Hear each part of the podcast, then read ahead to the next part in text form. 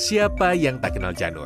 Mayoritas masyarakat di Indonesia mengenal daun muda dari kelapa, lontar, enau, dan rumbia ini dipakai untuk menandai adanya pesta pernikahan, hajatan, hingga upacara keagamaan.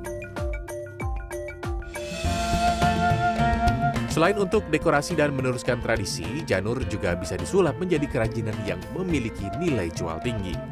Tak mau kalah dengan origaminya Jepang, Sigit Paripurno, warga Trangsan, Desa Torio, Sukoharjo, mulai menggeluti kerajinan janur sejak lama.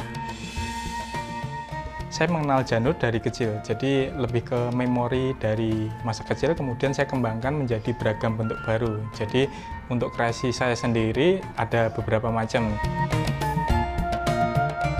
Ada beberapa bahan yang biasa dia pakai, mulai dari daun kelapa, lontar, serta siwalan.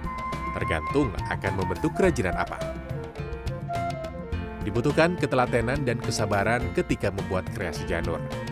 Namun yang terpenting, pola lipatan harus diulang terus sampai bisa. Kesulitan muncul jika hendak membuat pola yang baru. Saya membaginya dalam beberapa bentuk, jadi ada lipatan janur tunggal, kemudian ada seni anyaman, seni potong, kemudian seni merangkai. Awalnya Sigit hanya membuat kerajinan janur untuk channel YouTube miliknya. Namun justru dari situlah pesanan mulai datang.